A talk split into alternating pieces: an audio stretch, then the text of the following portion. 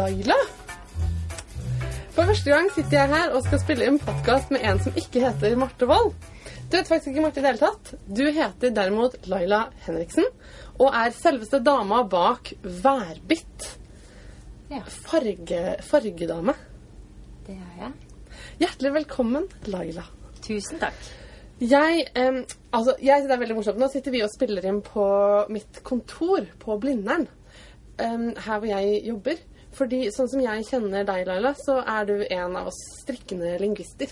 Det er overraskende mange, eh, mange av oss. Ja, ja, det er kanskje sant, det. Mhm. Bare her på gangen er vi flere. Eh, men for meg så var det litt sånn at den ene dagen så satt du i samme bygg som meg nede i annen etasje og sånn. Og jeg så deg litt i pausen noen ganger og sånn. Og så en annen dag så plutselig var du garnfarger. Ja. Hva skjedde? Fortell meg hva som skjedde, og hva værbitt er. Ja, Um, historien er slik at eh, jeg våkna en morgen og følte meg fryktelig trist. Um, og det på tross av at jeg har uh, hatt en kjempefin arbeidsplass. Gode kollegaer og attpåtil ålreit ålreit lønn. Ja. Men jeg var ikke noe særlig glad i arbeidsoppgavene mine. Det kan man jo man, vi- vi er vel flere som har sittet og liksom sett ut vinduet og tenkt sånn Kanskje jeg bare skulle starte lite saueoppdrett? Ja, ikke sant? Og tenk om man bare kunne sitte og strikke hele dagen og fått penger for det. Ja, Ja. Men det, det kan man ikke. dessverre. Nei. Så da måtte jeg være litt kreativ. Men jeg våkna den morgenen. Det er nesten sant at det skjedde sånn på en dag. Og så tenkte jeg hva i all verden skal jeg drive med hvis jeg ikke skal jobbe på universitetet? Da vil jeg drive med noe som jeg elsker, og min aller største person i livet, det er ull. Ull. Ja. Da, da er du kommet til rett podkast. Føler meg hjemme her. Ja, særlig nå når vi på en måte har fått fylt kontoret mitt med litt garn, for det har vi gjort for, for anledningen. Det ligger noen fine hesper her som vi skal snakke litt mer om senere. Ja. Så hva gjorde du da? Ja um, Jeg har jo vært uh, en ivrig strikker i uh, flere år. Um, men um, ja, jeg kan jo ikke strikke og tjene penger på det. Så da begynte jeg å gruble på hva i all verden kan man gjøre uh, som er ullrelatert. Eh, og da fikk jeg først tanken om å starte en kafé, en strikkekafé. Mm. Um, og etter hvert så har eh, planen endra seg litt. Uh, og nå går jeg etablererkurs kurs og skal prøve å, å starte noe innen ull og garn. Men for øyeblikket så farger jeg garn. Eh, og tjener ikke forferdelig mye penger på det. Det tror jeg det er veldig få som eh, kan gjøre. Eh, Men eh, eh, jeg bruker tid på det ved siden av å gå på kurs. Og du har en Jeg syns logoen din er så fin. Den eh, Værbitt heter da eh, foretaket ditt, sant? ja. Og logoen er en, eh, en vær, rett og slett. Og den er så fin. Den minner meg om værene som bor hjemme hos meg. Håndfarga garn Oslo står Ja. det på den. Det er, det er jeg som har tegna logoen. Jeg Er er litt stolt av den. Ja, Wow! ja. Du kan alt! Du kan alt mulig. Du kan strikke skikkelig fint, for du er en sånn eh, Du er en sånn uh, superstrikker i min verden. Du er en sånn som Når vi har hatt strikkekvelder og sånn her på Altså når lingvistene har strikkekvelder, da føler jeg at da spør vi deg hvis det står fast. Det er ikke helt sant. Men, ja, Og så ja. kan du tegne også. Jeg kan det. Jeg har en brukbar eh, både fin og grov motorikk, kan man se. Som Man er nyttig når man strikker, eh, men også nyttig når man skal farge garn. Eh, Da trenger man også litt fargesans, selvfølgelig. Og jeg tror egentlig det var planen min helt fra jeg var liten, at jeg skulle bli kunstner. Og nå er du garnkunstner. Nå er jeg, ja, eh, kunstnertittelen er ganske snever, og det som faller inn under kunst, er ganske snevert. Eh, men eh, hvis jeg skal være litt freidig, så eh, kan jeg kalle meg garnkunstner. Ja. Ja. Det er i hvert fall ganske kunstnerisk, det du har lagt frem på bordet her. Jeg har Jeg har en sånn fargedrøm Eller jeg har jeg har nemlig en, en, liten hemmelig agenda med å få deg hit. Eh, hjemme i min garnkiste så ligger det eh, en, en, svær, eh, fluffy, deilig 100 grams hespe med ull fra en gjeng med Romney-sauer mm. som beiter rundt i det området der min grandpa bor i England. Som jeg kjøpte når jeg var der i fjor. Og, og den er jo kritthvit. Yeah. Og da jeg kjøpte den, så tenkte jeg men denne må jeg farge. For da kan jeg ha liksom ull fra sauer jeg har sett rundt i det området der familien min bor. Og så kan jeg farge det selv. Mm. Og jeg vil helst da plantefarge, fordi jeg er en sånn barfot skoghippie. Um, og så var jeg litt sånn Å, jeg synes det er så gøy å farge egg med løkskall. Kanskje jeg kan farge gult med løkskall. Og flere ganger har jeg liksom tenkt å, kanskje jeg skal gjøre det nå, men så kommer jeg til det punktet i oppskrifta hvor det står alun. Mm. Og så finner jeg frem strikketøy i stedet for. Så jeg tenkte at du skulle liksom eh, Dette eh, intervjuet med deg skal gi meg et sånt spark bak til at jeg kan farge mitt eget hespe. Jeg har ikke større ambisjoner enn det. Du har, har jeg skjønt, litt mer Litt større ambisjoner enn ett hespe. For du er rett og slett ikke å finne her på Blindern lenger. Nei. Nå er det værhvitt for alle penga. Ja. All tiden min bruker jeg på garn. Og jeg kan hjelpe deg med dette, vet du, Marte. Men jeg tenkte jeg skulle snakke litt om eh, hva håndfarga garn er. Ja. For det er jo ikke alle som har møtt på håndfarga garn. Nei, for nå sa jeg løkskall, men det er jo én av veldig mange ting man kan gjøre. Det, det faller inn under plantefarging. Ja. Eh, og så har vi også syntetisk farging. Men jeg kan starte med å snakke litt om eh, plantefarging. Um, og det som skiller håndfarga garn fra kommersielt fabrikklaga garn, det er jo først og fremst at eh, det garnet du får fra en fabrikk, det er helt ensarta farga. Mm. Eh, fargen skal være helt sånn jevnt fordelt i nøstet, og det garnet som ikke blir helt ensarta, det regnes som ukurant. Mens formfarga garn, det er det jo litt motsatt. Man kan godt ha én farge, eh, men man vil gjerne at det skal være litt eh, fargevariasjon. Litt liv, liksom. Ikke sant? At du ser at her er det noen som har hatt hendene sine i garnet. Ikke blitt dyppa i et digert fargebad av en maskin. Og med håndfarga garn så kan du få fantastisk mange fine fargevariasjoner. Det fins mange ulike teknikker. Du kan få nyanser av én og samme farge, eller du kan få variasjoner i flere farger. Og jeg liker, det jeg liker aller best, det er når eh, fargegarnet blir helt crazy. det, vi har litt, eh, litt crazy garn på bordet her. Som er litt sånn eh, det, det, heter speckles, gjør det ikke det? Speckles er det siste nye. Ja. Men hva heter det på norsk? Hva kan vi kalle det på norsk? Det kan hete flekkete, men det høres jo ikke noe ja. fint ut. Spraglete. Spraglegarn er jo egentlig ganske fint. Spraglegarn. Ja. Mm -hmm. Spettete har jeg Spettete. tenkt er kanskje den riktigste oversettelsen. Ja. Men spraglegarn er jo Høres jo litt ut, Kanskje vi da. lagde en ny term nå. Spraglegarn. Ja. Og så gradienter kan man lage. Altså jeg, jeg tenker altså av det jeg Jeg er jo sånn eh, Hva er det jeg kalte meg selv her i stad? Eh, fargekonservativ. Ja. Um, som har strikka vel Eller ikke fargekonservativ. Jo, kanskje litt. Det er Marte, det er den andre Marten som strikker de neontingene, ikke sant? Og, eh, og, er gæren i fargevalget sitt. Mm. Jeg er litt traustere, litt mer sånne naturfarger, jordfarger. jordfarger. Ja, brunt og grått og sånn. Um, men, uh, men, jeg har ikke gått av veien for litt rosa og litt sånn. Og jeg har strikka uh, noe som gradientgarn, mm. som er veldig gøy. For. Og det er litt uh, en morsom måte å, ja, å sprite opp strikketøyet på uten å måtte bytte farge. Det er sant. Men jeg tenker jo at naturfarger er jo det som kanskje passer deg best. Mm. Og der trenger man jo ikke å lande på grått og brunt og beige. Det kan bli eh, fantastiske, fine farger. Men som ikke eh, føles eh, crazy i det hele tatt. Mm. Og fordelen med naturfarger er at alle passer sammen. På merkelig ja. vis. Mm -hmm. Og da er det, når du sier naturfarger, er det det samme som liksom plantefarger? Ja. Ja. Det er plantefarger. Men det er, eh, alle naturfarger er ikke farger fra planter. Nei. Nei. Man kan farge med sopp. Ja, ikke sant? Har jeg hørt. Sopp, og man kan eh, Et veldig kjent og vakkert eh, fargeemne får man fra korsenille, som ikke er en plante i det hele tatt. Det er eh, derimot kaktuslus. Ja, ja, ja, ja. De små røde billene, liksom. Ja. Ja. Mm -hmm. Det har man jo hørt om.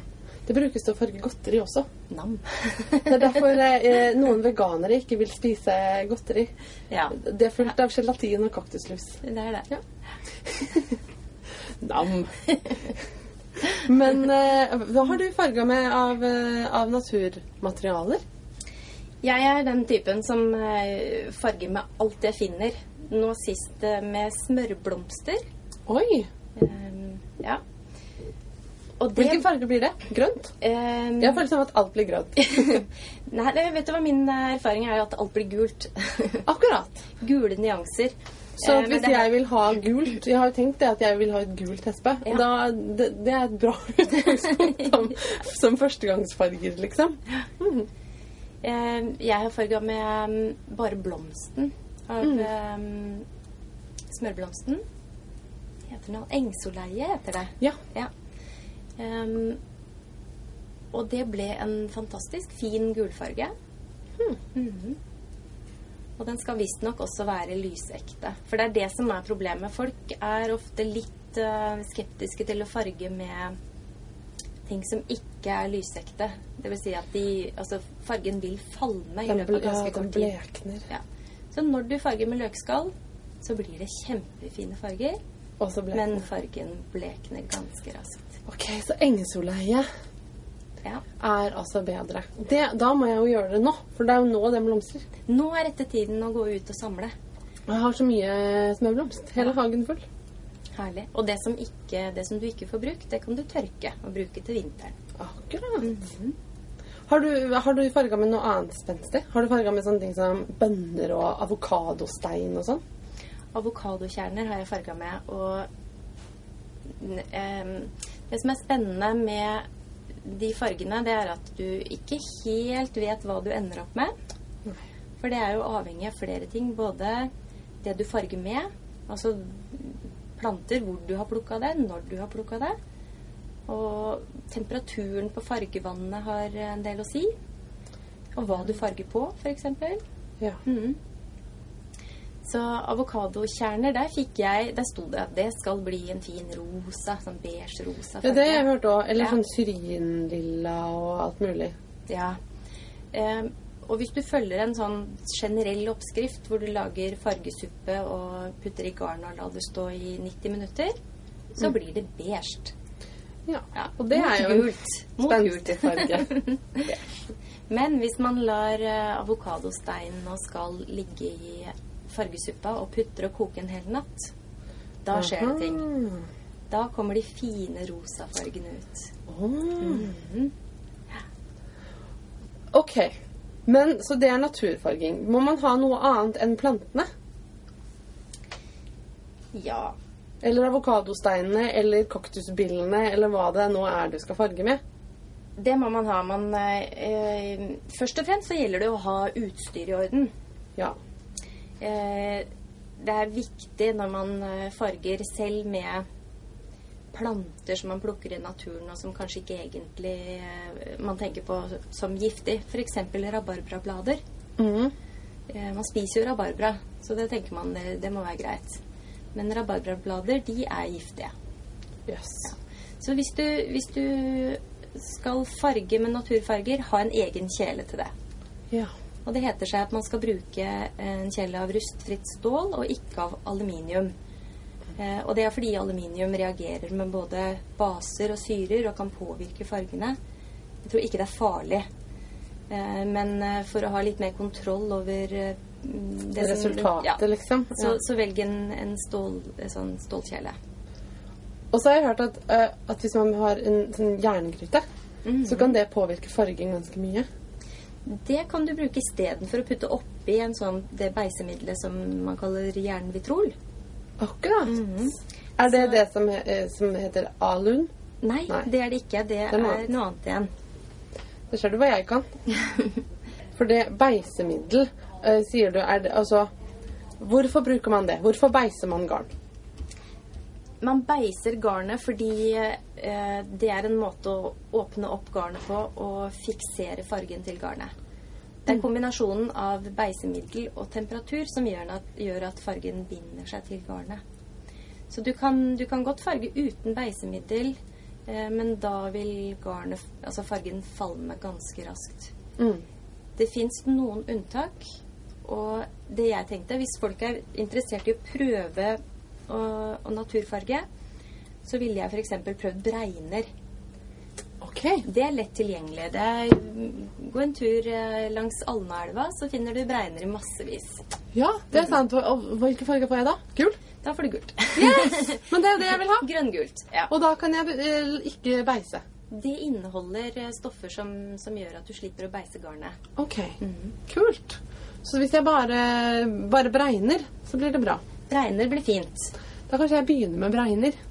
Bra. Men OK, hvis jeg har bregnene mine, hva gjør jeg da? Ja, Først må du forberede garnet. Hvis du har eh, et hespe, så er det helt fint. Da trenger du ikke å gjøre noe annet enn å, knyte noen ekstra sånne sikkerhetstråder eh, rundt hespe, sånn at det ikke blir én stor garnball når du farger. Ja. Kjempelurt. Men hvis du har et nøste, så må du lage et hespe først, og det gjør du lettest med eh, et hespetre. Eller en garnvinne, som vi snakket om i forrige, eller i mai-episoden. Man kan bruke en garnvinne. Eh, men man kan også bruke en stolrygg. Ja. Eller kjæresten sin. Eller kjæresten sin kan man også gjøre. Og når du har eh, lagd et hespe og, og knytt noen gode tråder rundt hespe, kanskje så mange som tre steder, eh, og så må man passe på å ikke knyte for hardt, for da får man den effekten som eh, Batikk. Batikk, ja. Og det, det kan jo hende man vil ha det, men de fleste vil ha farge på hele hespe. Ja, og i hvert fall kanskje ikke ha liksom tre hvite striper. Ja. Det, ja. Ja, for det blir det fort. Så knytt litt løst. Eh, og så skal eh, garnet legges i bløt. Eh, og da kan man bruke den eh, sånn fingervarmregel. Bruk det samme varme vannet som du gjør når du løser opp gjær. Akkurat. For det er to ting garn ikke er noe særlig glad i. Eh, og det er eh, friksjon og Ja. store eh, temperaturforskjeller. Det vet jo alle som har uh, mista en ullsokk i vaskemaskina. Ja. Så når man farger garn, vil man helst ikke ha en sånn stor uh, Tova-klump oppå fargebadet. Et sitteunderlag med veldig fin farge får du da. Det får man. Du legger hespe i bløt. Ha gjerne oppi eh, litt eh, oppvaskmiddel. Jeg anbefaler folk å bruke økologisk oppvaskmiddel. Eh, og det er eh, fordi det er eh, bra for miljøet. Ja. Mm. Og det er vi for. Ja, Det er vi for. Ja. Og det funker like bra som eh, vaskemidler som eh, ødelegger eh, liv med langtidsvirkning i vann. Så, så vi, vi går Jeg for liker at vi får lurt inn litt sånn Ja, jeg er miljøvernpropaganda i podden. Det er jeg veldig for. Bra.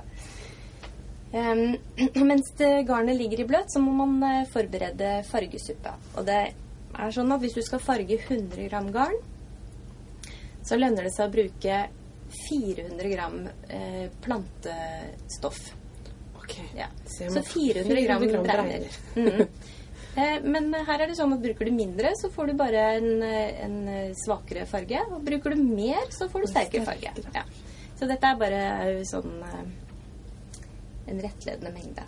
Du legger bregnene i gryta og fyller på med kaldt vann. Og så koker du opp fargesuppa, og den skal stå i 90 minutter. Eller gjerne lenger. Sånn som med avokadosteinene, så er det sånn at jo lengre det står, jo mer fargestoff kommer gjerne ut i fargevannet. Mm. Jeg vil anbefale å ta opp plantematerialene før man legger i garnet i gryta. For Hvis ikke så samler det seg mye rusk og rask i garnet som du må bruke litt tid på å plukke ut eller riste ut. Mm. Sånn at du, du legger rett og slett garnet oppi bare kokevannet. Mm. Ja. Nettopp. Så Og dette er veldig nyttig. Ellers hadde jeg sittet og plukka løkskall Ja, har- ut av Romney-garn i fire timer etterpå. Jeg har gjort det. det er, og noen liker kanskje å pusle med sånt, men jeg syns det er litt kjedelig. Ja, det skjønner jeg. Når du putter oppi garnet, så skal eh, fargebadet ha en temperatur på rundt 50 grader. Og det er igjen da for å unngå temperatursjokk på garnet. Ja.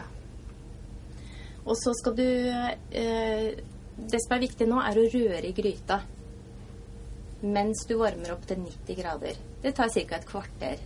Eh, og du rører for å få så jevn farge som mulig. ja. Hvis du vil ha det, da. Og da må du røre forsiktig, antar jeg. Ikke Ja, ja. Man kan, man kan greie å tove garn ved å røre voldsomt i gryta. Eh, Jeg har aldri klart det, og jeg syns ikke jeg er så veldig forsiktig. Men egentlig mitt inntrykk er at folk er mye reddere for å tove garn enn man trenger å være. At det skal ha en annen type friksjon enn røring til, liksom. Ja. Du skal gnukke. Man skal gnukke og gni på garnet. Ja. Mhm. Og på plagg også. Når jeg vasker ullplagg, så rører jeg jo rundt i vaskevannet, liksom. Mm. Man vil jo ha det rent, og det tåler såpass. Når eh, fargebadet med garnet i har nådd 90 grader, så skal det holdes på 90 grader i ca. en time. Okay. Ja.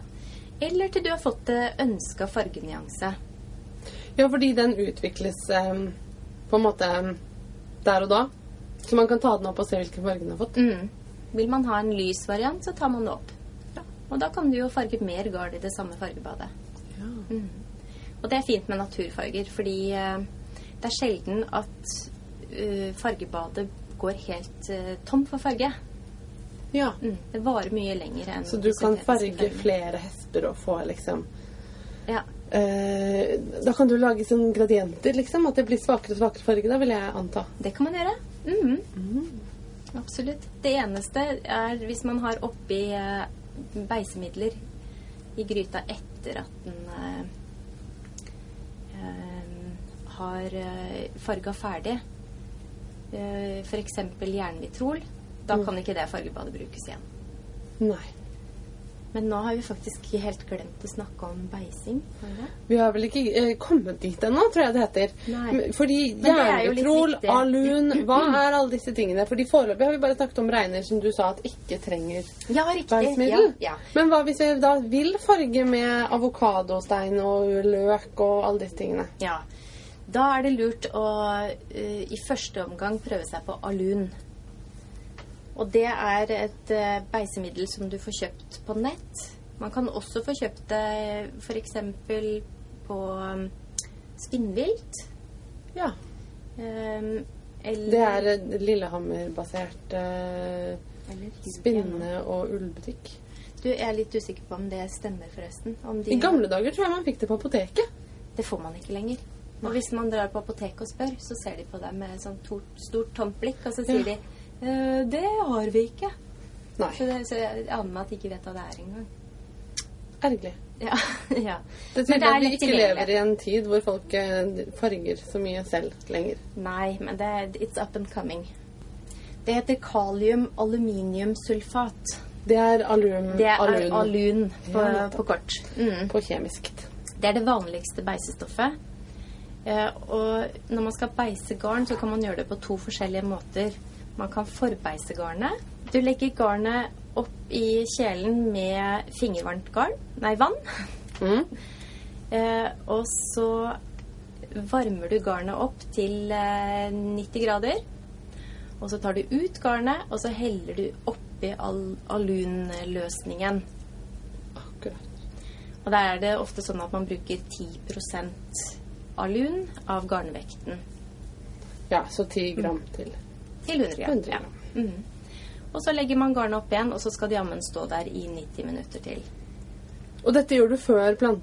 Nei, nå falt jeg ut. Ja. Først planter. Nei. Nei. Først garn. Dette er bare beisinga, for vi har jo Du snakka om beiser først, og Ja. så farger du. Sant? Mhm. Ja. Ja.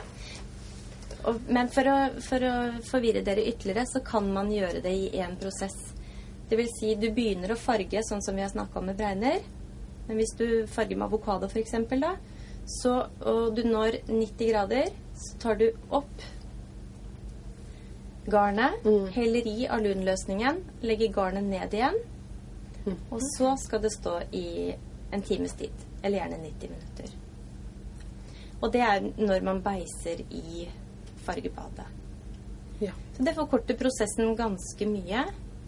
Men eh, resultatet blir ofte ikke så bra. Akkurat. Så hvis man skal liksom virkelig kose seg og finne fram til de aller fineste naturfargene, Så, så, beiser man på forhånd. foran. Mm. Skjønner. Ja. Og så er det et beisestoff som heter jernvitrol.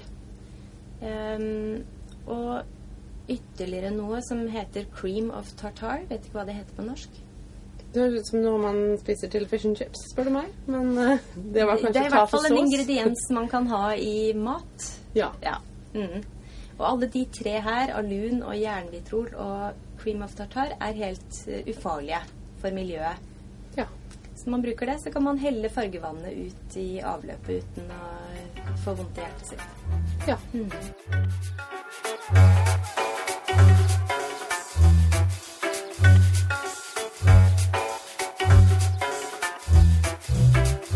For nå har vi bare snakka om naturfarging, og det er veldig fint for folk som får vondt i hjertet av å helle ting ut i naturen. Ja. Men andre måter å farge på, da? For folk som ikke er så eh, jeg vet ikke, jordfargeorientert som meg.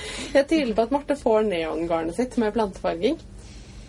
Jo, nei, men det er ikke helt sant. Man kan faktisk få noen neongule farger av uh, ulike planter. Kult. Eh, nå har jeg ikke det for hånden, akkurat hva det er. Men, Og er det ja. sant at man kan farge blått med tiss? Eh, ja, det er jo ikke tisset som, eh, som gir fargen. Det er en plante som heter Vide. -hmm. eh, som faktisk eh, vokser rundt omkring eh, også her i Norge. Som du gjærer Ja, med urin. der skal man ha gjerne mannpiss Ja. som skal stå og gjære. Eh, Så hvis du har en mann og litt wide, da kan du farge blått. Da kan du farge blått, og så eh, skal man eh, henge garnet ut i flere uker etterpå for å, for å bli kvitt eh, denne tisselukta. Så eh, jeg skal nok prøve det en gang. Jeg har ikke forsøkt. Jeg skal gjøre det bare for moro. Eh, Eller så skal eddik også gjøre susen av å ta bort en del av lukta. Ja. Mm. Eh, Men det fins andre måter å farge blått på. Da vil jeg heller anbefale indigo. Ja. Som eh, Nå får man vel stort sett bare Eller i hvert fall lettest tak i syntetisk indigo. ja, for indigo er egentlig en plante, ikke sant? Ja, det er det, og det er, eh, det er den, litt den samme prosessen som med Void. Ja. At den ikke er eh, Den er ikke vannløselig. Så der trenger du litt kjemikalier for å, for å frigjøre fargen. Og så er det gøy med indigo fordi at der er det sånn at fargen først utvikles når du tar det du farger opp av vannet. Ikke sant? Du tar opp noe litt sånn der grågrønt, eh, og så kommer det opp i lufta og bare blir blått. Det er helt magisk. Har du sett det noen gang? Jeg har, jeg har, bare, Jeg har jeg har sett det på YouTube. Ja, jeg har ikke gjort det sjøl. Jeg har det jeg trenger nå for å farge med indigo. Eh, men eh, jeg venter eh, til sommerferien, når jeg Ja. virkelig skal velte meg i gardfarging. garnfarging. Deilig. Mm. Det er det du skal i sommer. Ja. Så fantastisk. Ok, men naturfarging føler jeg Nå har vi koll på det. ja. Nå er det bare å sette i gang. Men Det er jo litt ulike ting som passer til ulik type beising, da har jeg skjønt. Eller litt sånn alun til dette og eh, ja, eller altså um, Jernvitrol gjør andre ting med fargen enn det alun gjør. Så du får forskjellige farger med forskjellig beisestoff. Skjønner. Mm. Eh, Så når du har oppi jernvitrol, så, så gjør man noe som kalles fordunkling. Altså den blir mørkere i fargen. Okay. Mot grått. Mot grått. Ja. Mens hva gjør alun? Den ja, Om den påvirker fargen så veldig? Ja, den gjør vel kanskje det også. Eh, Men den gjør først, først og fremst at garnet er mottagelig for, eh, Ja. for farge, da. Det du kaller å åpne opp. Ja. Mm. Men ja, syntetiske farger er jo um, Hva skal man si? Motvekten til naturfarger på noen måter. Um, det kalles også syrefarger, og det høres jo litt skummelt ut. Eh, Men de aller, aller fleste syntetfargene er helt ufarlige for Og naturen. sy, altså jeg mener sitron er jo Ja, for det er sånne syrer vi snakker om, eh, ikke sånn som du må ut på gata og handle i smug. Men Det, det, det kan man også kombinere med garnfarging, med kanskje litt eh, annerledes resultater. Ja, det, nei, det har jeg ikke prøvd. Det kan hende det blir spennende. Eh, Men eh, for å farge med syrefarger, så kan man rett og slett bare høre ferdig på den, og så kan man gå og farge. For de aller fleste har det de trenger i kjøkkenskapet. Oh. Ja. Det du trenger, det er eh, konditorfarger og syre i form av eddik eller sitronsyre. Det får man kjøpt i sånne små brev som er pulver til, Ja. til baking, sant? Og jeg bruker det til å lage hylleblomstsaft og sånn. Ja, det er den sitronsyren man kan bruke. Men da har jeg, jeg har det hjemme. Ja, så nå er det bare å sette i gang. Ja, rett og slett for få hvite hester, skjønner jeg. Ja. og du trenger ikke å bruke hvitt garn heller. Her kan man gjerne tenke gjenbruk. ja. Har du noe i stæsjet ditt som du ikke helt eh, liker fargen på, farg over. Smart. Ja. Mhm. Ok. Syrefarging. Fortsett. Jo, eh, jeg vil anbefale folk å, å starte med konditorfarger. Eh, og det du f.eks. kan gjøre da, du må eh, legge garn i bløt på samme måte som når du skal naturfarge. Eh, og så lager du et, eh, en kjele med fargevannet. Og det er rett og slett rent vann, og så har du oppi syre. Og her er en tommelfingerregel slik at har du 100 gram garn du skal farge, så bruker du to spiseskjeer med eddik. To spiseskjeer med eddik. Eller én spiseskje med sitronsyre. Ok. Mm. Noen farger etter eh, klunk-prinsippet. Det funker også bra. Ja. Mm. En klunk. Jeg, jeg, det hørtes veldig ut som du beskrev meg nå. Jeg Ja. lager mat etter klunkprinsippet. Jeg strikker etter klunkprinsippet. Ja, jeg gjør Jeg kommer egentlig på veldig få ting jeg ikke gjør etter klunkprinsippet. Ja, en dash, liksom. En dash og en klunk. Det er Ja. fint. Og det er når man skal Å, men kan farging være sånn? Fordi jeg blir sånn, fordi jeg, jeg har liksom følt at farging har sånn, Å, jeg orker ikke å sette meg inn i liksom denne kjemien. Mm. Mens hvis det kan være en klunk og en dash, da, da er jeg med. Det er det som er fantastisk med garnfarging. At du kommer veldig langt, langt med klunkmetoden. Ja. Eh, og det er veldig lett å få et bra resultat. Selv første gangen man farger. Og nå vil jeg bare gi et eksempel på hva man kan prøve seg på. Og det er eh, å blande ut litt blått, litt blå konditorfarge i en kopp med litt vann. Og da sier jeg litt. Vær forsiktig i begynnelsen med fargene. Bare prøv bitte, bitte lite grann. Det gir mer farge enn du tror. Og så blander du litt gult i en annen kopp. Eh, og så tar du det ferdig utvanna garnet ditt opp i eh, ca. 40-50 graders eh, kokevann i kjelen din. Og, og det som er fint her, er at du kan bruke denne kjelen kan du bruke til å lage mat i senere. ja. Fordi kondi- Konditorfarge er er jo matfarge. Og så tar du um, garnet ditt uh, opp i kjelen, og så varmer du det opp til uh, rundt 90 grader. Ehm, det er ikke lurt å koke garnet, for da blir det sprøtt og rart. Eh, men det tåler ganske høy varme. Det, når det begynner å boble litt i vannet, så begynner det å nærme seg 90 grader. Og så tar du ut garnet. Bruk hansker. ja. Ja. Eh, og hell oppi den eh, blå fargen. Og så rører du rundt, og så putter du garnet ditt oppi. Og så rører du litt rundt med garnet oppi. Og så kan du velge om du vil ta opp garnet igjen og så helle i det grønne, og så putte garnet opp igjen. Da får du en ganske ensarta farge. En blågrønn. Nei, nå snakker jeg om gult. Gult, tenkte da. Ja, Da får du en grønn. Okay. Ja. Eller du kan velge å bare la garnet ligge nedi. Da er det blått. Og så heller du over det gule. Og da får du en ganske stor variasjon i fargene. Da blir det blått, og det blir grønt, og du får kanskje også noen gule felt. Gøy. Det er kjempegøy. Det er magisk. Ja, det høres veldig magisk ut. Men uh, dette høres jo ut som noe jeg burde uh, gjøre. For da, det er veldig lite pes, egentlig. Det er uh, lite som skal til å begynne å farge. Ehm, jeg begynte på den måten. Det vil si, jeg begynte med naturfarging. Det gjorde jeg. Jeg tror Ja. at jeg har sett på Instagram et avokadokjernegarn du farga en gang. Mhm. Og lav var det første jeg begynte med, for det trenger heller ikke å beises. Ok, Hva slags lav brukte du da? Steinlav. Var du ute og skrapte på steinene? Ja da. liksom? Og det var Sånn eh, gult, da, eller? Nei, mer av den svarte typen. Akkurat. Mhm. Hvilken farge fikk du da? Da fikk jeg eh, gul-beige. Ja, forventningsvis. Det ble en fin farge. Lav er jo eh, spennende. Mhm. Du, ja, jeg syns det er helt portly. Jeg syns lav er veldig spennende. Både som vekst og fargemiddel. liksom. Det er jo det. Ja. Vi kan lage en annen podd en annen gang som bare handler om lav. Ikke sant? Det er veldig hva med sopp? Ja, sopp. Mm. lav er en symbiose av alge og sopp. Det vet alle som har hatt eh, naturfag på eh, typ ungdomsskolen. eller noe sånt.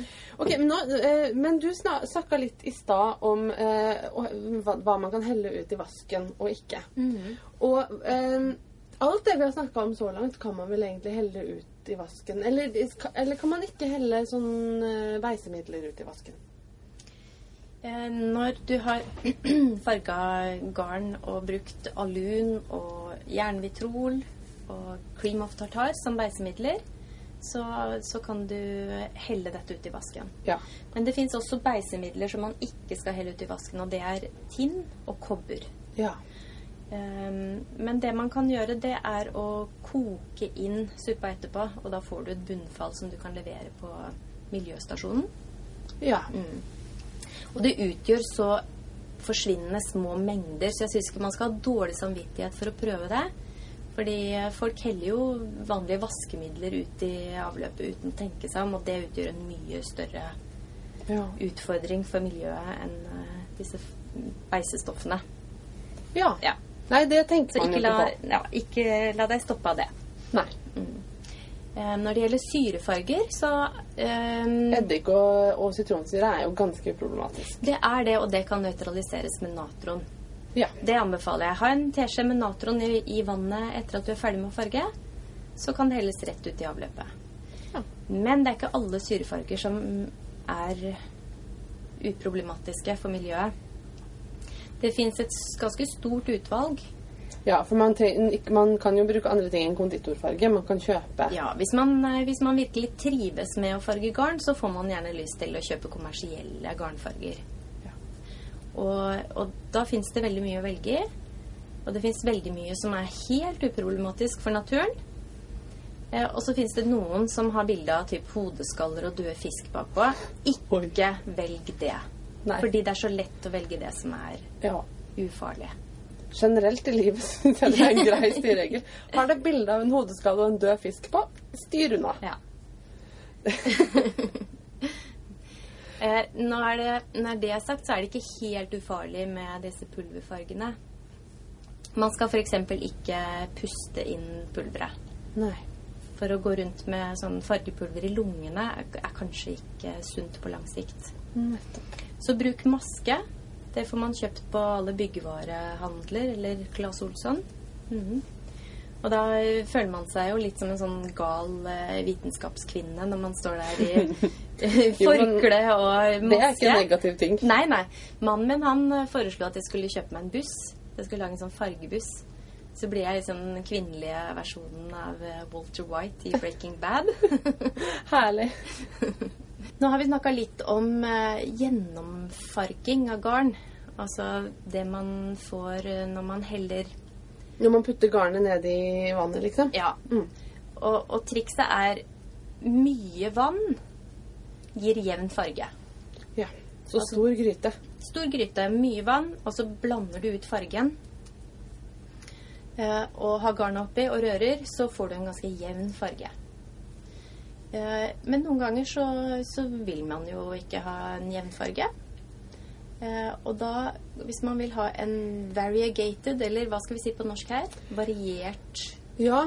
Variegated er jo det som eh, Altså at eh, garnet har ulike stykker er farga i stykkevis, på en måte. Sånn at når du um, Vi har snakka litt om det på poden før fordi vi har snakka om problemet med pooling.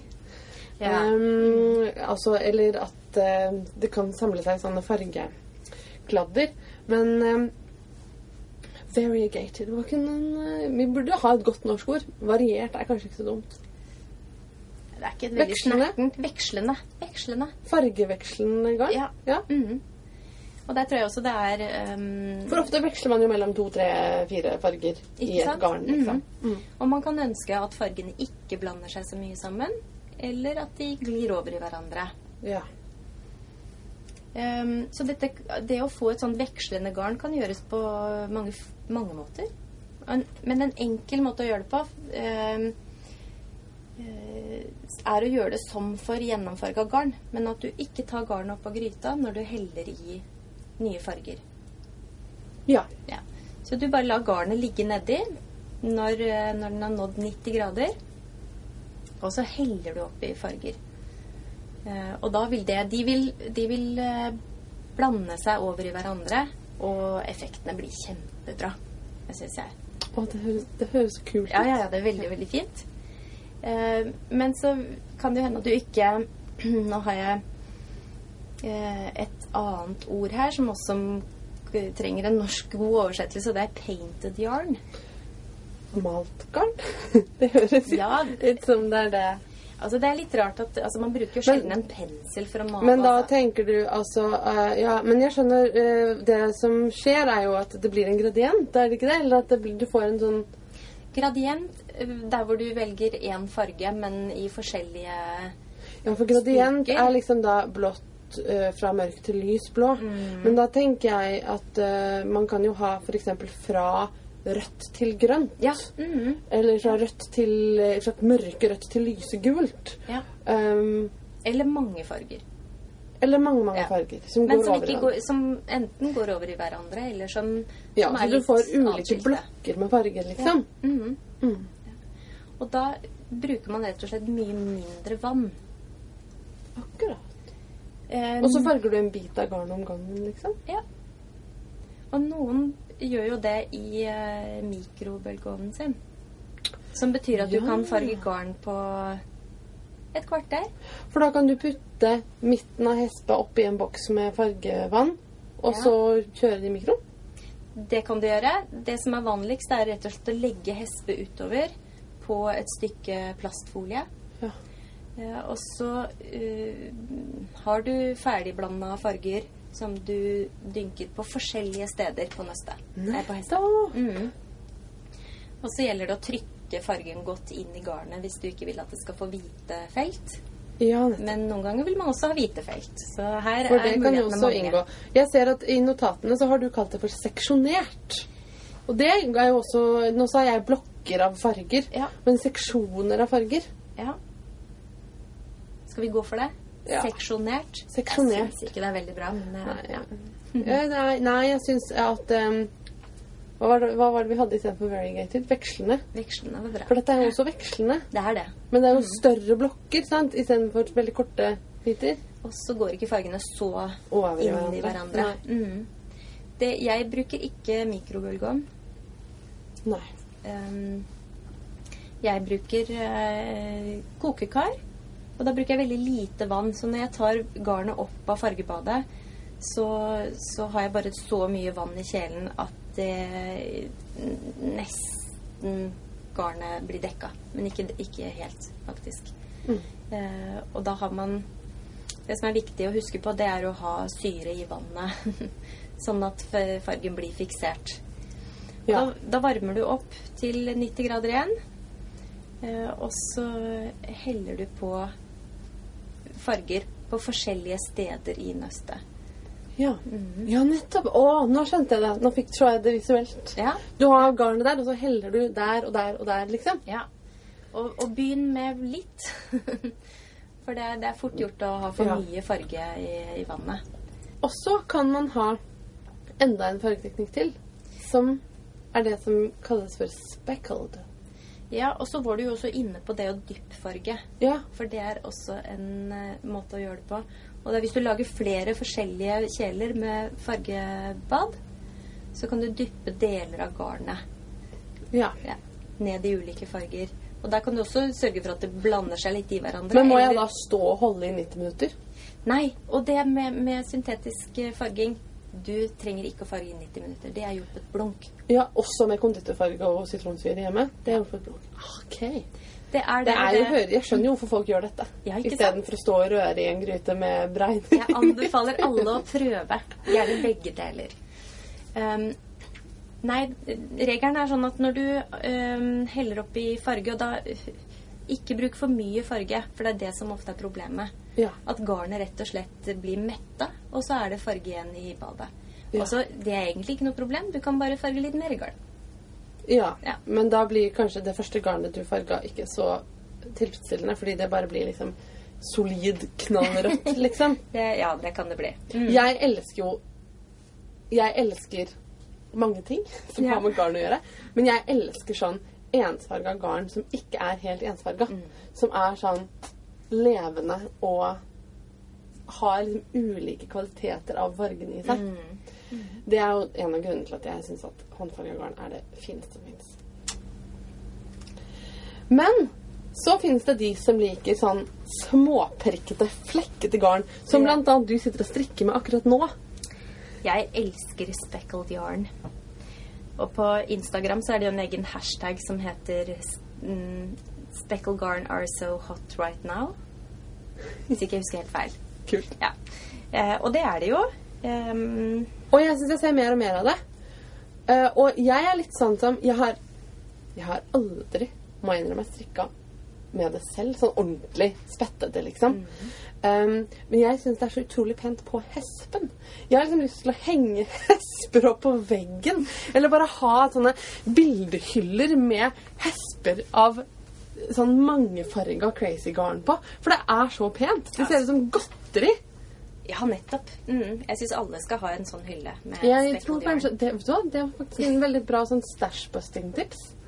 Eh, vil du bli kvitt noe av garnet ditt, bare si at det er eh, kunst i seg selv, Ikke og heng det opp på veggen. Og skulle du få lyst til å bruke garnet, så kan du jo bare farge over alle spettene. Ja, ikke sant? Eller så, så hvis man syns at uh, spettete garn blir litt mye alene, så strikk det sammen med Ja. ensfarga garn. Boblemønster, eksempel. Nei, det er så fantastisk. Mm. Ja, sånn som eh, i de pickles-plaggene som har sånn boblestrikk. Ja. Og det er sikkert dødsfint. Og eh, jeg har sett eh, Eller den eh, Oslo-anorakken som jeg syns er veldig fin, som er et pickles-mønster som jeg har strikka til mine barn. Den eh, Jeg har selvfølgelig strikka den i solide farger, men den er i utgangspunktet Tror jeg modellen var strikka i én sånn Det var vel ikke speckled, men det var i hvert fall sånn vekslende, Vekslende, garn. ja. Og én solid farge. Mm. Og det er veldig kult sammen. Sånn at du får den kontrasten, liksom. Mm. Og flerfargestrikk. Der, hvis man putter inn ett garn der som er, Som er litt crazy. som er litt crazy, det blir veldig stilig Ja. Ja. Det, og gøy. Og så kan man strikke sånne eh, Sånne gale Steven West-plagg. Det er jo han som er helten min, og det er jo det jeg strikker nå. Det er et Steven, Steven West-design som heter eh, The Doodler. Den er veldig kul. Jeg synes det er eh, Den har sånn akkurat som sånn solstråler som går ut. Så det blir liksom videre og videre imellom. Det er en veldig kul konstruksjon. Jeg har Ja, er veldig litt på det mønsteret selv. Mm. Men nå lurer selvfølgelig alle på hvordan de skal oppnå speckled eller Hvordan spraglegarn. Når man det? Ja. Jeg ser for meg at man liksom står på avstand og kaster farge på et garn med pensel. Og det kan man nok, men de aller fleste jeg vet om, de står på kjøkkenet og farger. Eh, så da blir det for grisete. Men hvis jeg hadde hatt eh, Et mitt studio. eget studio, Ja. åh, da skulle jeg gjort det. Um, nei, de fleste som lager speckled garn, bruker den, det tørre fargestoffet. Men vi må ha et norsk ord for speckled også. Vi kan ikke sitte her og si speckled garn. Spettete? Nei, spettete garn. Flekkete? Nei. Spraglete. Spraglete? Spettete er nok Spettete er fint. Ja, vi tar det. Eh, her er det viktig å bruke maske, så ikke du står og puster inn eh, dette fargestoffet. Eh, men man bruker lite vann. Legger garnet opp i vannet og varmer opp til 90 grader. Og så drysser man rett og slett tørr farge på garnet. garnet. Og da, da skjønner man ja, hvorfor man får de prikkene, liksom. Ja. For du får jo ganske sånn fargesterke prikker som ikke går over i det andre. Mhm. Og trikset er lite farge. Ja, For ellers så får du svære flekker istedenfor små spetter. Ja. Og det kan jo også være gøy. Men, eh, men hvis man skal mm, prøve spetter, begynn med bitte, bitte lite grann farge. Det er utrolig mye farge i hver bitte lille prikk. Ja. Jeg elsker uh, speckles. Det er favorittteknikken min. Er det morsomst å strikke med, eller er det morsomst å lage? Det er eh, Jeg får jo aldri strikka så mye som jeg vil, da. Nei, du får, får du strikka mindre etter at du begynte å farge. Nettopp. Det er det man tror, liksom, at da skal man bare sitte og strikke hele tiden. Men jeg gjør jo ikke det. Man gjør ikke det, man står og farger hele tiden Ja. isteden. Ja. Men det er, det er minst like gøy som å strikke, syns jeg. Du burde begynne med podkasting. Du må kan strikke Ja. mens, mens man spiller inn. Det er veldig. Ja. Vanskelig å strikke når man klipper podkast. Jeg, jeg syns det var vanskelig å strikke når jeg snakka òg, nå, for det her er litt sånn Man følge med på hvor jeg skal snu.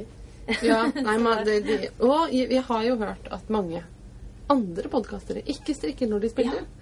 da, da blir jeg liksom Men hvorfor? Hvorfor har du podkasta? meg, da? Nei, ja. Men uh, jeg, jeg, jeg tror ikke jeg Jeg tror jeg egentlig prater bedre når jeg strikker også. Ja. Jeg er veldig lite vant med å gjøre noen ting uten å strikke samtidig. Mm Eh, men ja, jeg skjønner at jeg ikke kan eh, strikke mens jeg farger. Kanskje mens jeg rører. Ja, sånn, jeg trenger ja. å røre hele tiden. Jeg rekker noen masker på den Marius-bolen. Man gjør det. Man må sette seg ned og ta en kaffe og strikke litt Ja. innimellom. Det må man.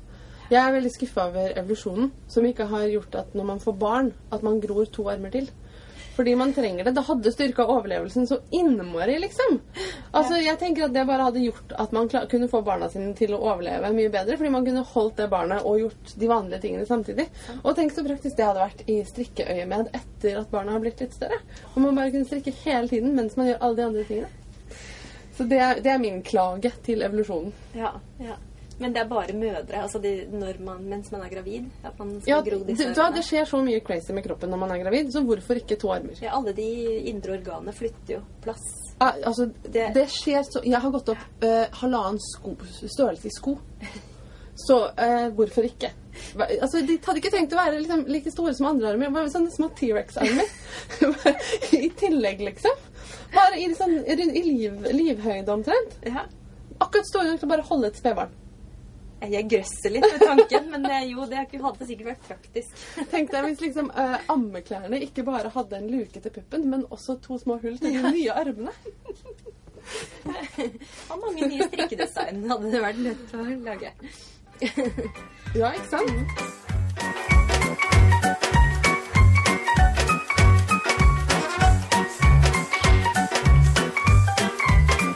Nå har vi snakka om ulike typer farger. eh, litt hva slags utstyr man trenger, og fargeteknikker. Det er bare én ting jeg lurer på. Baser. Hva skal man farge? Altså Man må jo ha noe farge også. Eh, nå har jo jeg et eh, Jeg ser for meg Dette er mine fordommer som snakker, men også mine kunnskaper. At det beste å farge er ull. Ja. Um, Har du farga noe annet enn ull? jeg har farga lin. Ja. Eh, uten at det ble så vellykka, fordi fargen All fargen vet ikke på. Nei. Og det er også litt sånn ehm, Man kaller det jo ofte potluck når man Akkurat. farger, fordi du det er, det er ikke alltid man kan forutse resultatet. Nei. Men det er um, Ull er absolutt uh, noe av det letteste man kan farge med både plantefarger og syntetiske farger. Det- Fordelen med ull også er jo at det er lett å, eller relativt lett i hvert fall, å få tak i eh, fin, hyggelig, miljøvennlig eh, ull. Lettere enn f.eks. å få tak i hyggelig, miljøvennlig bomull, i hvert fall. Ja, ja det er helt sant. Um, og silke egner seg også veldig godt uh, til farging. Mm. Det blir jo utrolig vakkert. Ja. Og noe som jeg syns egentlig ligner ganske mye på silke, det er jo mohair. Ja. Den har den samme glansen. Eh, og i tillegg så får man jo en sånn glorie. Man sier Fluff. kanskje ikke det på norsk. Jo, gjør man ikke det? Halo. Ja. Men, ja. Man får i hvert fall fluff. Fluff får man, ikke sant? Mm. Jeg er veldig glad i, eh, i mohair. Det er Jeg har jo oppdaga mohair litt det siste Ja. året, da jeg begynte å strikke i telespinngarn. Mm. Og eh, ja, nei, jeg er eh, vennlig, vennlig innstilt overfor mohair nå. Ja. Og jeg liker mohair bedre enn alpakka, f.eks. For det Ja. ja de Jeg er jo ikke alpakka-fan, men det, jeg dømmer ikke alpakka. Jeg bare, Det er ikke for meg. Nei, det er, jeg er nok litt uh, i samme gate som deg, Marte. Ja. Mhm. Det er uh, greit når det er, først er strikka med. Jeg bare, jeg orker ikke strikke med alpakka. Nei, kanskje det er vi som må lære oss å strikke med alpakka. Eller så får vi bare strikke med ull. Så kan vi strikke med ull. Det er helt ok. Det fins nok å ta av, i hvert fall. Ja. Eh, du farger med andre ord mest ullgarn. Jeg er eh, litt sånn materialesnobb. Det betyr at jeg helst unngår syntetiske materialer i garnet. Mhm. Selv om jeg ser fordelen av nylon eh, i eh, sokkegarn. Ja. Men jeg vil prøve å finne alternativer til eh, syntetiske stoffer. Eh, når det er sagt, eh, hvis man først eh, farger garn med nylon eh, og også sånn superwash-behandla garn eh, Har dere snakka om det i den før? Ja, vi har det. Eh, altså Superwash-behandlingen går jo sånn i prinsippet egentlig ut på at man dypper garnet i plast. Eh, Først fjerner du skjellet ved å dyppe det eller gasse det i klor. Ja. Så dypper de plast etterpå. Sånn at garnet ikke skal la seg påvirke av omgivelsene så mye. eh, av å bli vaska, f.eks. Uh, men det tar jo også livet av eh, garnet på en måte. Eh, noen syns jo at det blir veldig gode, myke og deilige garn. Jeg syns ofte at de blir litt sånn gnissete. At de føles liksom feil i hendene. Ja. Det er ikke sikkert de, de tåler fyrstiktesten. Nei. og så syns jeg ofte at eh, de lar seg påvirke av omgivelsene likevel, ved at de f.eks. strekker seg ekstremt mye når de blir våte. Det er mye mindre holdbart. Ja. Det er det. Og, og Og så mister det noe av den pustende evnen som ull har. Altså at Ja. et ullplagg kan du jo, hvis du har f.eks. ull rett på huden, så puster det. Sånn at du ikke blir for varm, ikke blir for kald, ikke blir svett. ja. Jeg har eh, eh, vokst opp med eh, Min mor er eh, Hun er sånn som klør veldig lett. Og har nok blitt tvangspåkledd en del ullklær i barndommen. Så hun var litt sånn Jeg skal ikke tvinge mine barn til å ha ull rett på huden. Så jeg hadde aldri det i oppveksten. Så jeg var rukket å bli ganske godt voksen før jeg første gang prøvde å ha på meg en ullgenser uten noe under. Og oppdaga at jeg ikke er en person som klør i det hele tatt. Jeg kan gå med liksom PT2 rett på huden. Oi! Gjør det jevnlig. Og hvor jeg oppdaga at bare Det er helt fantastisk. Jeg, blir- det, det, jeg blir ikke for varm, jeg blir ikke for kald. Jeg blir, det varmeregulerer seg helt av seg selv. Og da for første gang så forsto jeg på en måte ordentlig det folk sier om at ull puster. For før så hadde jeg vært sånn Ja, ull puster. Ok, men jeg har jo alltid en trøye under, sånn at det hadde jeg aldri følt det, liksom. Men, så det var en derre epiphany for Ja. meg. ja. Så ja, ja. Jeg trenger jo ikke si flere ganger at jeg er ulv. Det. Hvis man har hørt på den, så har man fått med seg det. Ja, men eh, det er nok også noen myter ute og går om ull. Det at man f.eks. er allergisk mot ull. Det er det jo veldig, veldig få som er. Noen få, få, få mennesker reagerer på lanolin. Ja.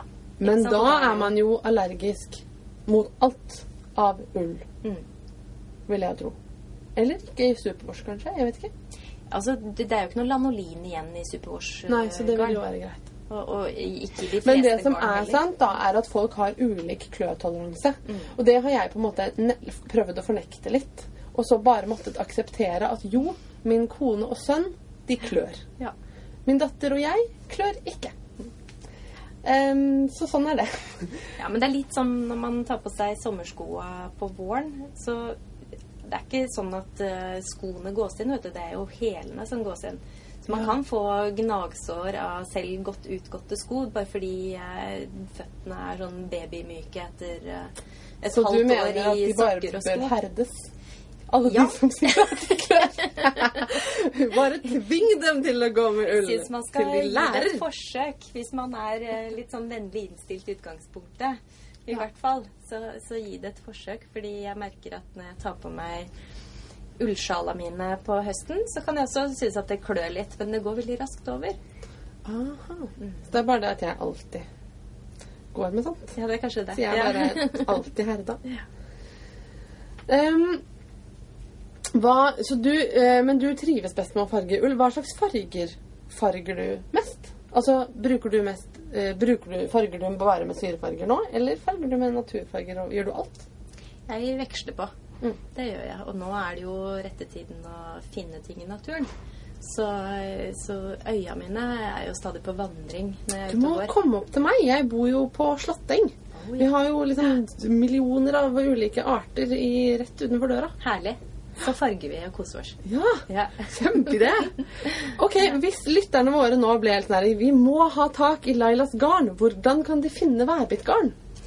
Da kan de eh, ta en liten tur på Etsy, som er eh, Det er kjempeskummelt. Det er jo det. Man finner jo virkelig fantastisk masse fint på Etsy, både av garn og andre Ja. ting. Mm. Så sjekk ut Etsy, da, Etsy dagen etter du har fått lønn. Ja, jeg, Ikke dagen jeg før. gjør det. Ja, gjerne det. Og da kan de se om de finner varbitt. Ja. Ja. Varbitt. Eh, men det fins eh, Det fins mange gode håndfargere. Og mange i Norge. Eller ikke mange, men det fins Flere og flere? Det fins flere og flere. Og det, og det som er gøy, det er at eh, de norske håndfargerne er i verdensklasse. Du mener det? Absolutt. Kult. Det er vel et års tid siden eller noe sånt at vi snakka om på poden at um, på en måte vi ser for oss at nå kommer det mer og mer garnrelatert moro og produksjon i Norge. Eh, og jeg har liksom For noen år siden uh, så jeg litt med misunnelse mot Sverige, og jeg følte at det var veldig mye uh, som skjedde på liksom garnfargefronten, og folk som liksom heiv seg inn i den businessen, da. Og nå er det like bra i Norge, vil jeg si. Ja, det er det. Ja. Skal vi nevne noen navn? Det syns jeg. Det er jo også flere som har gitt uh, Ja. en liten Vi gave. skal eh, til slutt i dag annonsere en uh, Jeg vil si at det er en skikkelig godteripose av en garnutlodning. Jeg vil nevne noen uh, håndfargere fra Norge, og lista er sikkert ikke uttømmende. Så hvis eh, det er noen som ikke blir nevnt, så, Så syns jeg det hadde vært fint å si fra. For det er ikke sikkert vi vet om Vi kan lage en gang. liste. Det kan vi gjøre. Vi kan eh, legge den Vi har jo noen sånne lenkelister liggende på Facebook, så vi kan lage en lenkeliste over, eh, over fargere som selger garn i Norge. Ja. Det er gøy. Og det sa du forresten til meg i stad før vi begynte å spille inn, at du liker å, å bruke norsk garn og farge på. Det er eh, kanskje min greie. Ja. Eh, de fleste farger på baser som de kjøper. Eh, Og hvorfor er det så bra? Hvorfor er det så bra å velge norsk ull? Altså, norsk ull er jo i verdensklasse. Den er glansfull og sterk. Den er kanskje litt grovere enn den vi ellers får i butikken. For hvor mye er basert på merinoer? Men det gjør jo også at den er mer slitsterk. Nuppe mindre. Ja. Gleder sånne folk som meg som liker grov ull mye mer. ja. Den egner seg fantastisk godt til eh, ja, plagg som skal være varige. Eh, fin til eh, kofter, selvfølgelig. Med mm, masse fargevariasjoner. Og så en hovedting, tenker jeg, da, er jo for alle som har vært på bilferie i Norge, eh, har jo sett disse sauene som går og beiter og har det ganske bra. Norske sauer har det superfint. De har det, og det, eh, de har det så fint at all norsk gull er økosertifisert fra og med 2015. Wow! Ja. Det er jo kjempekult. Så når man kjøper norsk gull, så kan man være trygg på at her er det god dyrevelferd. Mhm. I tillegg til god kvalitet. Og det som er litt trist, det er jo at eh, kanskje så lite som 20% av den norske ulla blir utnytta her i Norge. Til eh, strikkegarn hovedsakelig, eh, og i tekstilbransjen. Eh, resten eksporteres, og mye blir til teppegarn. Ja. Eh, Så, så, så å si all ulla blir brukt. Det er jo fint. Men jeg syns at mye mer av den norske ulla skal brukes, Brukes her. brukes her. Ja, Så kortreist som mulig, liksom. absolutt. Ok, men hvilke håndfargere skal vi eh, be folk bite seg merke til her i Norge, da? Da skal man sjekke ut Norn Yarn. Som har donert et hespe til oss. Ja. Og Eh, man skal sjekke ut The Happy Little Dye Pot. Begge disse har butikker på Etsy. ja, utrolig søtt navn. Happy Little Diepot. Ja. Eh, de farger garn på litt forskjellige måter, og det er jo det som er sjarmen. Alle har satt sitt personlige preg på garnene de farger. Man skal også sjekke ut Oslo Micro Diary. De tror jeg vi har nevnt før. Og, eh, Og de er kanskje litt kjent. de er ganske nye. Altså ikke veldig lenge siden jeg hørte om det for første gang. i hvert fall. Kanskje Nei. et halvt år. Ja. En som har holdt på en stund, det er eh, kanskje Nina Petrina. Ja, jeg har strikka med hennes BFL-garn og snakka om det på podden. Og Nina Petrina har også gitt oss et hespe som vi skal gi videre. Og hun er, eh, hun er opptatt av eh, dyrevelferd og miljø. Så hun eh, forhandler økologisk garn. Det liker jeg veldig godt. Det er stas. Ja. Eh, og så fins det noe som heter Lofoten Wool. De har vi delt ut garn fra før. Ja. Og de har så fine De har så fint sånn eh, bildemateriale, holdt jeg på å si, på nettsidene sine og på banderollen på garnet og sånn. Ja. Det er estetisk fint. Jeg setter jo pris på det også med, ditt, eh, med dine etiketter. Ja. Og de farger også med naturfarger. Ja. Så i motsetning til de andre jeg har nevnt. Og så har vi noen som eh, kaller seg Tweedy Todd, Tweedy Todd. som har en fantastisk nydelig garn. Det var nytt for meg. Ja. Um, og så har vi også noen som eh, farger ull, for de som liker å Spinne. spinne. Ja. Og da er det spesielt ei som kaller seg Tante Ull, som også har en eh, Som også spiller en podcast, ja. ja. Eh, som jeg vil nevne. Hun har en fin nettbutikk, også på Etsy, men hun har jo en hjemmeside da, som man kan besøke. Kult. Og så er det selvfølgelig værbitt, da, som, som eh, hovedsakelig Som er hovedfokus her i dag. Ja, og som, eh, som er det eneste som farger på norsk garn, det jeg vet. Og som holder til i Oslo. For alle oss andre Oslo-baserte så er det jo litt gøy at fargingen skjer her. Ja. Jeg Ja. Vil jeg si at eh, alle som har muligheten, kom på Oslo strikkefestival i november Ja. og møt masse håndfargere. Blant annet deg. Ja. Gøy. Og meg òg, selv om jeg ikke har håndfarger. Men Kanskje du eh, blitt det til da, vet du, Martha. det kan godt hende. Plutselig har jeg blitt det. Jeg står der med min egen stand med bregnefarget mm -hmm. eller engsolei eller hva det er når jeg ender opp med, da. Um, men kjempegøy. Og jeg gleder meg veldig til å følge værbitt videre og se hva som skjer i fargegrytene dine. Og nå klarer ikke jeg å holde meg lenger. Nå må jeg snakke om alt som ligger her på bordet foran oss. Vi, det er nemlig sånn at Når man snakker med en garnfarger og spør om hun vil komme på podden, så kjenner hun masse andre garnfargere, og så bare renner det inn med eh, garn som folk vil gi. Dessverre ikke bare til meg, men til alle som hører på podden. Men vi har fått litt, vi også. Av deg. Eh, det skal jeg vise fram eh, senere i, på Instagram, tenker jeg. Men vi har fått Vi har fått to ganger to hesper av deg, Laila. Av værbittgarn. Så jeg snakker om det først.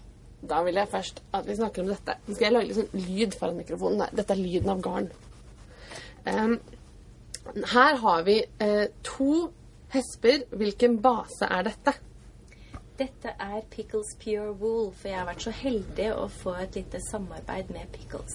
Gøy! Og de hadde lyst til å gi litt garn til podkasten. Så disse to er på en måte gitt av Pickles Ja. og farget av deg. ja.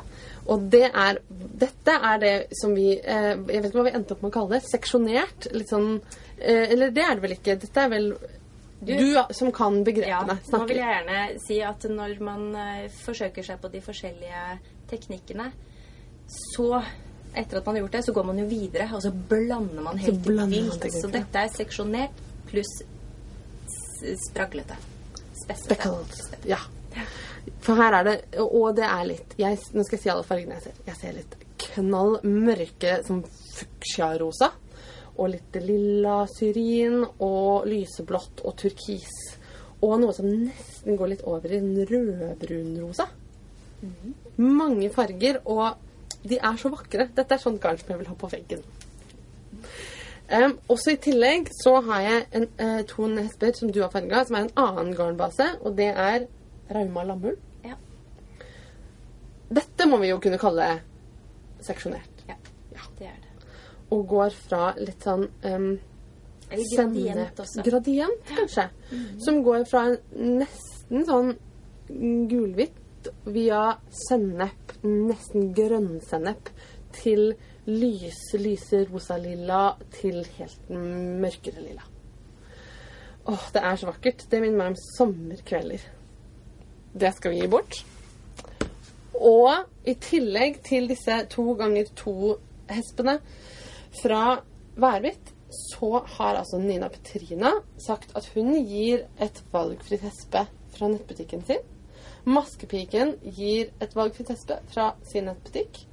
Og Norne Jarn gir um, et hespe, og da kan man velge mellom en BFL-base og en merino-base.